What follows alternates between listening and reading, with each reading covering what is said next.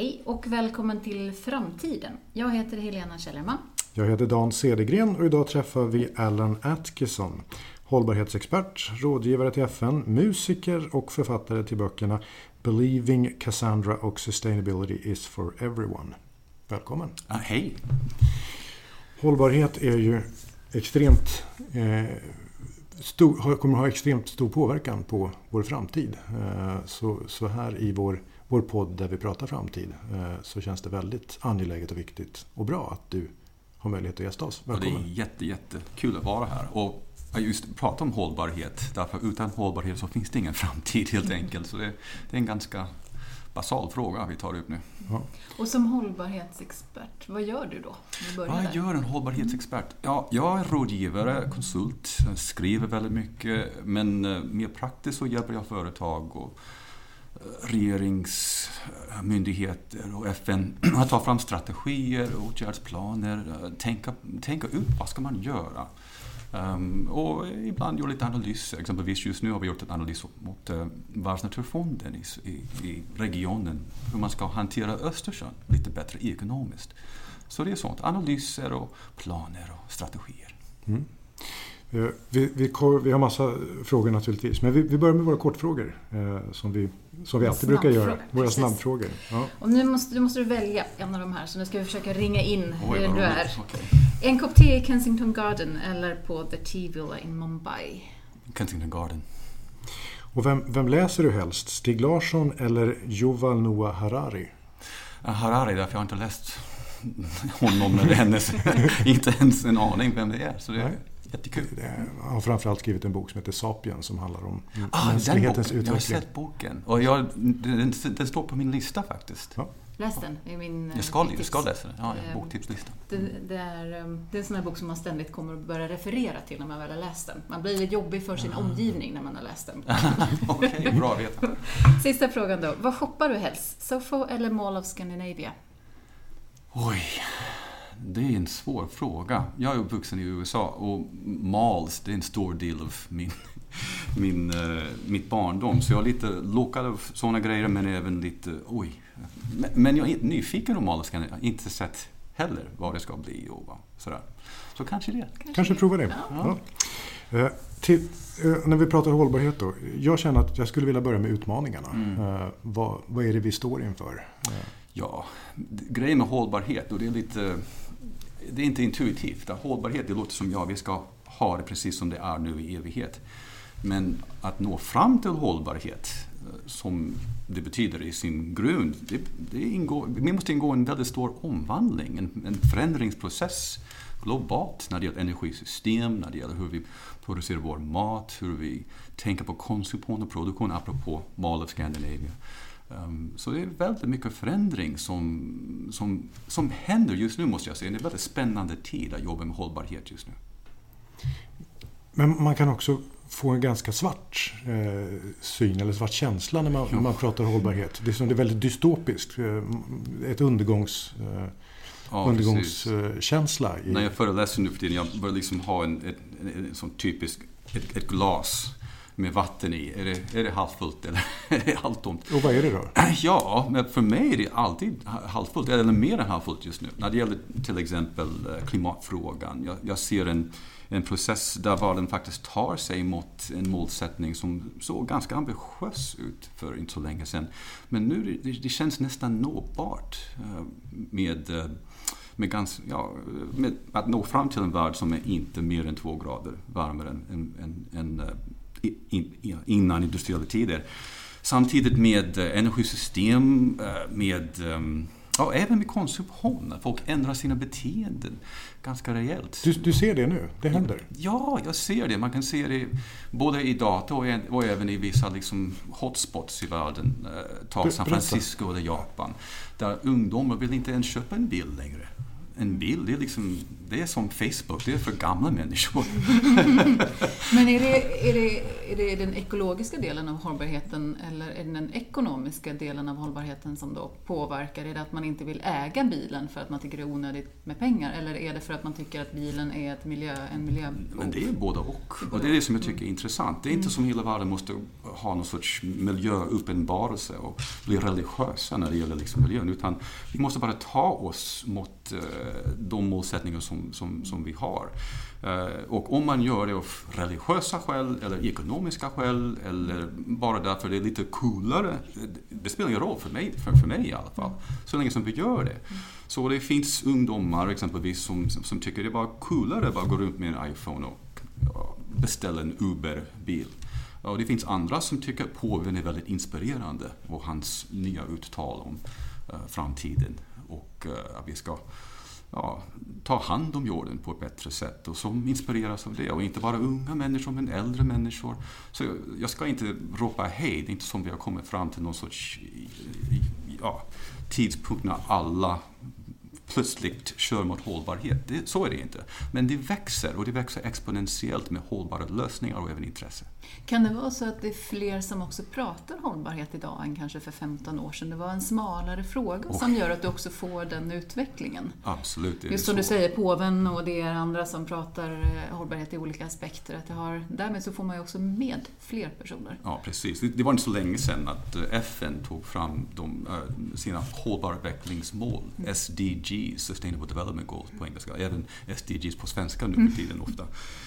Och där var det inte bara påven utan Shakira och James Bond, det vill säga Daniel Craig och, 139 stycken statschefer som satt där i publiken och sa men ja, men de har hållbarhetsmålen, 14 stycken som, som täcker nästan allt som vi kan tänka oss är viktigt när det gäller en hållbar eh, värld, klimat, mat, fattigdom, um, hälsa, allt vad det är. Um, det var, men man sa men nu är hållbarhet, hållbar utveckling verkligen mainstream. Man kan inte komma mer mainstream än så. Uh, så ja, men världen har, har gått från att, uh, ja, när jag började med hållbar utveckling för nästan 30 år sedan, det var inte så många som ens kände till det och man behövde förklara sig om och om igen. Nu är det överallt, det är normalt, det är business, det är liksom, ja. Så jag, jag tycker vi har kommit en lång bit på väg. Vi har en lång väg att gå. Men, eh, ja, men glaset är verkligen mer än halvfullt tycker jag nu. Jag blir nyfiken på vad du gör som rådgivare till FN. Ja, vad gör jag? Um, senaste åren så har vi jobbat uh, inom sekretariatet uh, med SDGs, hållbarhetsmålen, och försökt hjälpa länderna att förbereda sig inför det och hur de ska implementera uh, de målen. Eh, och även att bygga upp deras kapacitet att tänka mer hållbart. Till exempel eh, det finns ett litet land i Centralamerika som heter Belize och Belize räckte upp handen och sa vi vill bli pilotland när det gäller hur man ska göra hållbar utveckling på riktigt eh, med de målen i fokus. Så vi var där och hjälpte dem att göra om sin nationella utvecklingsplan, det vill säga strategin för hur landet ska ta sig fram till sin framtid. De hade en vision för framtiden, 2030-visionen. Men eh, de hade inte riktigt tänkt ut hur det ska integreras. Hur ska vi se till att vår ekonomiska tillväxt inte förstör vår miljö som är också jätteviktigt för oss därför vi lever på turismen och allt annat. Och även att vi ska lösa alla de sociala problemen som vi brottas med nu. Kan du nämna något konkret som ni såg att de skulle ja, göra? Ja, till exempel när vi gjorde den där undersökningen för att hjälpa dem att förbereda för det här. Vi upptäckte att Eh, vi upptäckte, de vi, eh, visste att eh, det fanns väldigt många immigranter från Guatemala som kom över gränsen och började liksom att uh, köra jordbruk lite illegalt in i landet. Och de talar spanska och Belize talar engelska därför det är en före detta brittisk koloni. Så de kunde inte läsa regelverket om Eh, bekämpningsmedel och sådant. Så plötsligt var det väldigt mycket bekämpningsmedel i, i, i, i jorden där. Och cancer började liksom uppstå mer och mer i just de ställena. Och Belize har ganska bra koll på läget när det gäller hälsofrågor. Men de hade inte riktigt kopplat ihop det där. Vänta nu, immigranter, de måste skolas in, de måste kunna liksom veta om regelverket, det är en miljöfråga, det är en hälsofråga, det är en ekonomisk tillväxtfråga. Allting hänger ihop. Men då måste man träffas över gränserna mellan ministerier och mellan olika myndigheter och samarbeta för att se till att hela systemet funkar. Så det är bara ett väldigt konkret och litet exempel, men det finns tusentals sådana exempel världen över. Men, men i FNs utmaning så ligger väl väldigt mycket också det här att eh, de länder som är på väg att ta ett ekonomiskt utvecklingssteg nu eh, behöver ta ett miljöansvar som vi i väst inte behövde göra när vi tog vårt utvecklingssteg. Hur, hur hanterar man det? Hur, hur hanterar man prislappen för de skador som vi redan åstadkommit i väst och som nu begränsar utvecklingsmöjligheterna för, för de som kommer? Ja du, om jag hade ett snabbt svar på den frågan skulle jag bli, um, ja, inte bara konsult inom FN, men, men, eh, men det är någonting som, som vi måste bråta med ordentligt överallt. Um, kortfattat kan man säga att hela ekonomiska, ekonomiska liksom, grunden till denna frågan har ändrats. Och nu kan vi sätta en prislapp på ekosystemtjänster exempelvis, som vi inte kunde göra förut.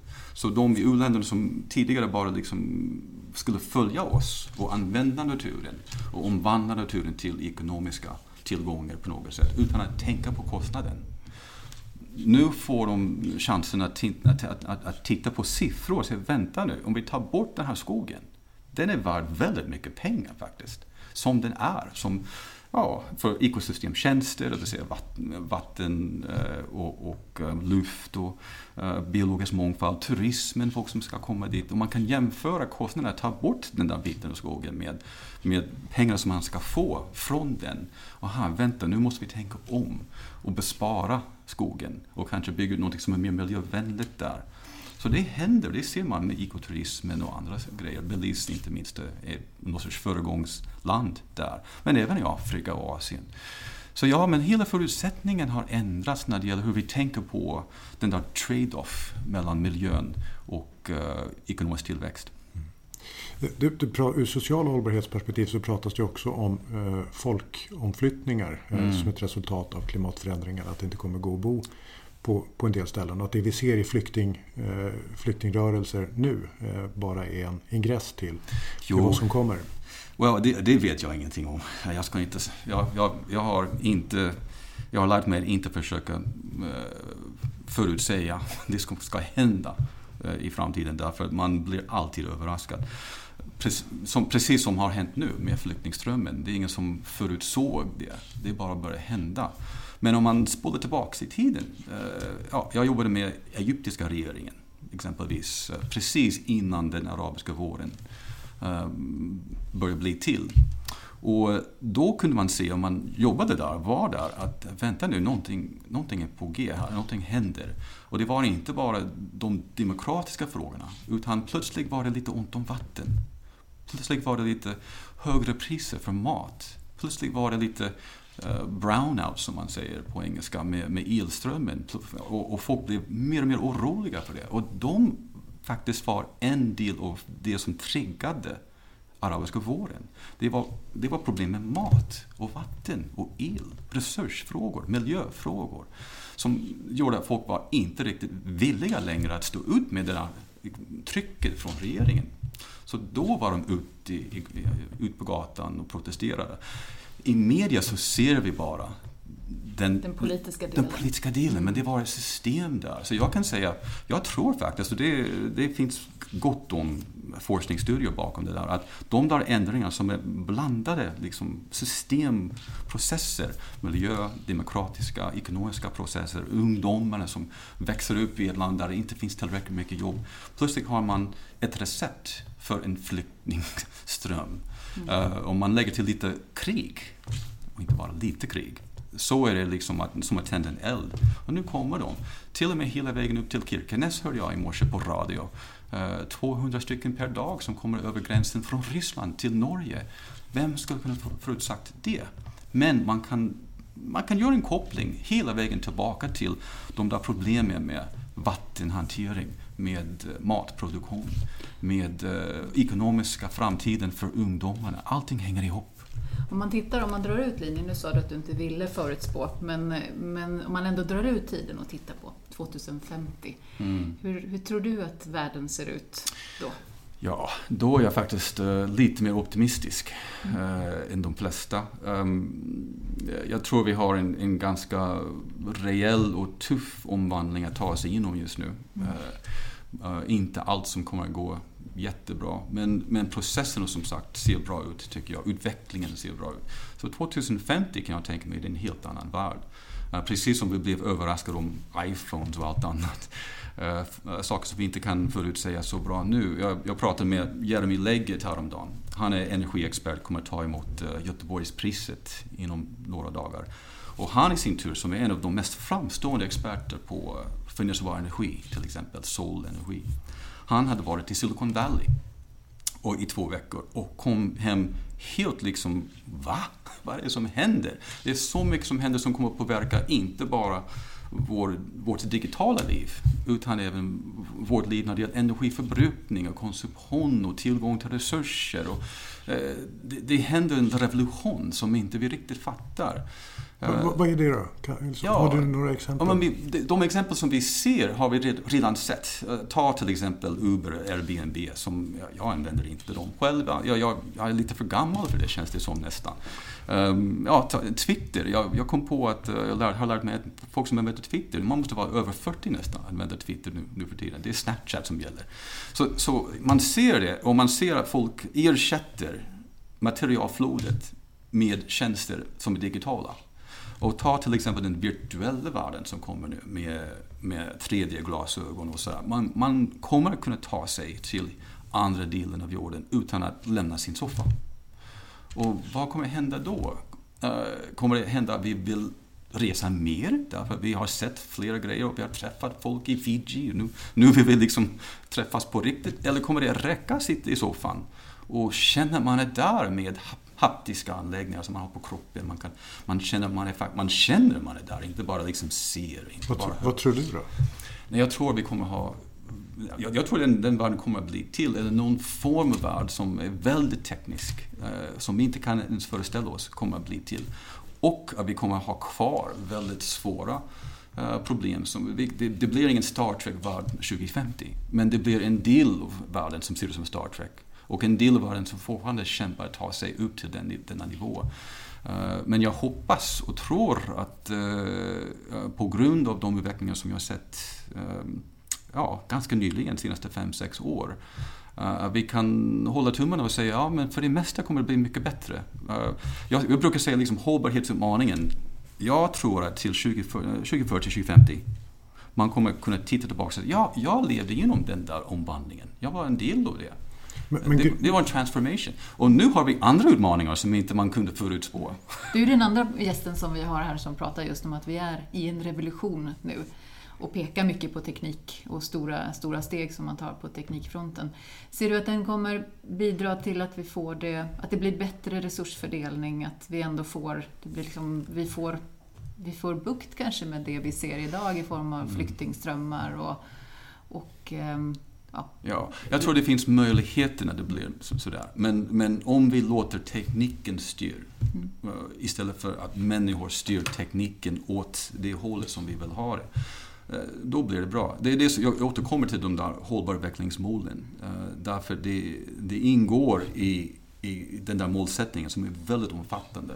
Att teknikutveckling är jätteviktig. Och vi, vi ska inte bara, hållbarhet det betyder att man ska liksom Eh, Eh, dra på bromsen. Tvärtom, man ska brasa på eh, med teknikutveckling eh, på ett sätt som kan leda fram till ett fossilfritt transportsystem exempelvis och, och, annat. Och jag tror vi kommer nå fram till det, uh, utan tvekan. Världen kommer tvinga oss att göra det. vi kan inte stå emot. Nej, Nej. precis. Men det är den blandningen mellan teknik, värderingar, politik uh, och även, uh, ja, världen blir mer, mindre och mindre helt enkelt. Mm. Vi kommer att känna mer som en del av, ja, som globala medborgare. Um, att, att, att vara en svensk eller amerikan som jag är i grunden. Och sådär. Det kommer att finnas kvar men eh, jag tror det kommer att betyda lite mindre. Man är en del av en värld eller en del av en stor region. Och, eh, man har vänner i Kina och Nya Zeeland och, och sådär som man umgås med lika mycket som man, man umgås med sina vänner eh, som bor längst ner gatan. Mm. Om du skulle ge ett tips eller ett råd till, till Sverige just mm. nu med utmaningar vi står. Vi står ju inför samma utmaningar som många andra. Vad skulle det vara som fortsätt. hållbarhetsrådgivare? ja, ska säga fortsätt, fortsätt. Nej, jag, jag är rådgivare till uh, Tysklands råd för hållbar utveckling just nu, mm. vilket är intressant att, uh, att plugga in det som de håller på med. Det är väldigt, det är väldigt spännande. Men man kan också säga att de har gått vidare än vi har gått i Sverige på, på många sätt. Inte minst hur de Eh, med deras styrningsprocesser för hållbar utveckling eh, som är mycket mer systematiskt. Eh, så jag skulle önska att Sverige, ehm, som har redan tagit itu med hållbarhetsutvecklingen, ganska bra.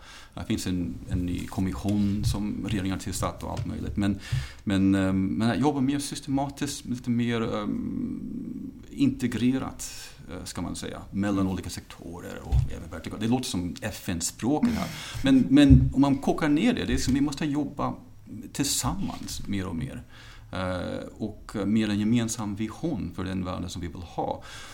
Och Sverige skulle jag, oj, eh, om, om folk förstod hur mycket Sverige eh, lyfts fram som förebildsland i andra länder.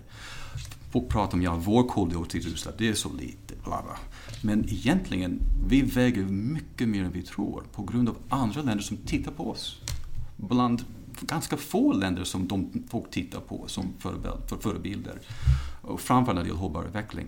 Så det som vi gör har stor betydelse här. Och inte minst för oss såklart, och våra barn och vår framtid. Så eh, ja, mer konkret skulle jag säga, bara fortsätt. Vi har redan en satsning på fossilfritt eh, i energisystemet exempelvis. Vi har redan ehm, ja, en välfärdsstat som jag vill vi ska behålla. Eh, men, men dessutom vill jag vi ska vad ska man säga, nästan marknadsföra och kommunicera ut det som vi gör ännu mer. Sverige har tagit ansvar exempelvis för havet. Eh, det är en av målsättningarna från FNs sida. Vi ska samarbeta med Fiji och för första gången eh, ska världen ta, eh, ja, ta hänsyn till hur vi hanterar havet på, på, på riktigt. Liksom. Vi har inte gjort det. Vi har gjort det med klimatfrågan, vi har gjort det med ozonhålet, men inte med havet som lider ordentligt. Men nu har Sverige liksom tagit stafettpinnen och vi ska leda med Fiji en process i 15 år. Jag vill att alla ska känna till det, alla ska brinna för de frågorna uh, och vara en del av de lösningar som vi måste ha. Ja, så Sverige som ledare, som förebilden, det, det, det, det är därför jag gillar att bo här och vara svensk. Och, och, det är jättebra att små länder går före och visar exempel. Men, men de stora jättarna då, man säger USA och, och Kina kanske framför allt. Hur ska vi få, få med dem på det här? Vet, kanske det är inte så många som känner till att Sverige har eh, ett, ett väldigt intressant förhållande med Kina exempelvis. Vi har ett centrum som ligger in, eh, in i vår ambassad i Beijing för hållbart företagande och etiskt företagande och ett avtal med Kina om det. Så Sverige har, håller på att jobba eh, på en ganska hög nivå med Kina för att hjälpa Kina att gå igenom den omvandlingen som vi har gått igenom tidigare och även att vi ska samarbeta för att ta oss eh, vidare båda två. Eh, så de länderna redan är på banan. USA, det är, alla känner till det, det är lite konstigt där politiskt eh, ibland. Eh, men, men när det gäller liksom hållbarhetsfrågor så på, i, i vissa sammanhang, inte minst energifrågan, så har det faktiskt blivit mycket bättre senaste tiden. Så, ehm, och, och, även för första gången i, i mitt minne har en, en, eh, seriös kandidat för att bli president um, till och med lyft, han, han lyfter fram Sverige, och Norge och Danmark som, som förebilder till amerikanska publiken. Mm. Och hittills har det varit nästan tabu att göra så. Ja, men de är socialister där borta. Men eh, han säger, men nej, de är socialdemokrater, och, eller inte politiskt menar jag, men, men jag menar liksom i grunden har vi en välfärdsstat med, eh, där det finns en väldigt öppen marknad. Kapitalismen är starkare här på vissa, i vissa sätt eh, än i USA. Man, man betalar mindre företagsskatt i Sverige. Det finns flera sådana faktum som inte folk känner till i andra länder. Och om de kände till det bättre och vi, vi skulle kunna till och med marknadsföra bättre eh, vårt sätt att göra saker. Vi är inte perfekta i Sverige på något sätt. Vi har väldigt mycket kvar att göra här. Men, eh, men det finns ett bra sätt att samarbeta med resten av världen om vi är, vågar lite mer ställa upp som förebildsland. Sen måste vi faktiskt vara förebilder. Mm. Så, så det är ett skäl jag vill att vi ska gå ut lite, lite mer med sånt. Därför att då pressas världen på oss. Men okay, då sätter vi press på oss själva ja, nästan genom att absolut. uttala och säga walk to talk. Exakt, mm. mer, mer, handling. Och, och att, att, länder agerar på ett sätt, det, det är förstås viktigt. Men, men någonstans kokar det ändå ner till oss som människor, de val som vi gör. Och, och du är hållbarhetsexpert och, och, och, rådgivare så att man föreställer sig att du lever ju totalt hållbart. Men, men vilka, vilka personliga ja. hållbarhetsval står du inför Nej, men just jag, nu? Jag, jag, jag kör en elbil exempelvis, 100% eh, certifierad vindkrafts... Check på det. Ja. ja. Uh, vi äter väldigt mycket vegetariskt hemma, inte helt, uh, men mer och mer. Vi... Är, är det någonting du funderar på nu? Ska jag göra det här också? Eller liksom? Ja, det är klart. Nästan, nästan varje dag. Det är det som man lider av. Jag var mycket mer radikal när jag var yngre. Jag cyklade överallt. Jag hade ingen, ingen tillgång till kompost där jag bodde för 20 plus år sedan i USA. Så jag, så jag tog med mig min kompost i, i plastburkar. Och när jag hälsar på vänner, kan du ta emot min kompost? så jag, och nu behöver jag inte göra det. Vi har ett system på det i Nacka där jag bor. Eh, så eh, ja, jag kanske skulle vara lite mer radikal tidigare. Jag skulle kanske ja, tänkt till innan jag tog den där semesterresan uh, med flygplan. Men, uh, men vi tänker väldigt mycket på det i, i min familj. Um, men det som du sa Dan, ja, ja man ser ofta, men i slutändan så kokas det ner till personliga val. Jag tror inte riktigt på det, faktiskt. Utan jo, det är jätteviktigt med de valen som vi gör som konsument. Det är jätteviktigt med de valen som vi gör som eh, politiskt. Men det är ju ett system som vi lever i också. Så väldigt många av de personliga val som vi pratar om, det är faktiskt val som politiker måste ta åt oss. Det som företagsledare måste ta åt oss. De som har kontroll över resurser, eh, kapital, investering. Som, som skapar liksom spelplanen för de andra. Och som konsument, man har val men man måste kämpa hårt ibland för att ta ett hållbart val. Istället för att det ska vara lätt, det ska vara billigare, det ska vara tillgängligt hela tiden. Det ska vara automatiskt nästan. De flesta kommer inte, tror jag, eh, vakna vaknar upp och säger ja, hållbarhet, eh, som sagt tidigare. Så vi måste skapa ett system som är lättare för folk att, att göra det som är bra istället för att behöva välja det varje gång. Mot strömmen till och med.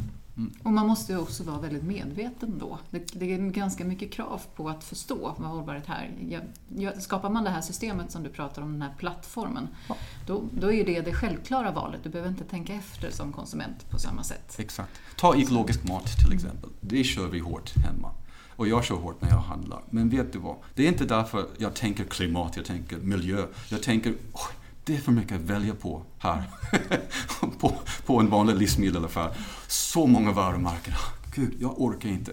Men om jag tar den där kravmakt grejen, då begränsas mitt val ordentligt. Det är mycket mer effektivt. Det, det är därför jag gör det, om jag ska vara ärlig. Mm. För att förenkla mitt liv, helt enkelt. Och så vet du att du gör ett bra val, eller ett hållbart val automatiskt. Ja, det är klart. Ja. Det är klart. Ja. Allan Atkinson, tack så jättemycket för att du kom hit. Eh, jag tycker det här blev ett väldigt mycket mer positivt samtal än vad jag hade förväntat mig. Det är bra. Ja. Det är bra med när man blir överraskad. Det är det verkligen. Ja, jag kallas för optimist och vi måste leva upp till Jag tycker det är väldigt trevligt. Jag tycker glaset halvfullt är en väldigt, väldigt bra inställning till livet. Eller ja. ännu mer. Det känns lite lättare nu. Tack Allan för att du kom hit eh, och gästade Framtiden. Eh, vi återkommer med ett nytt avsnitt av Framtiden om några veckor. Det gör vi. Hej då! Hej då! Hej då!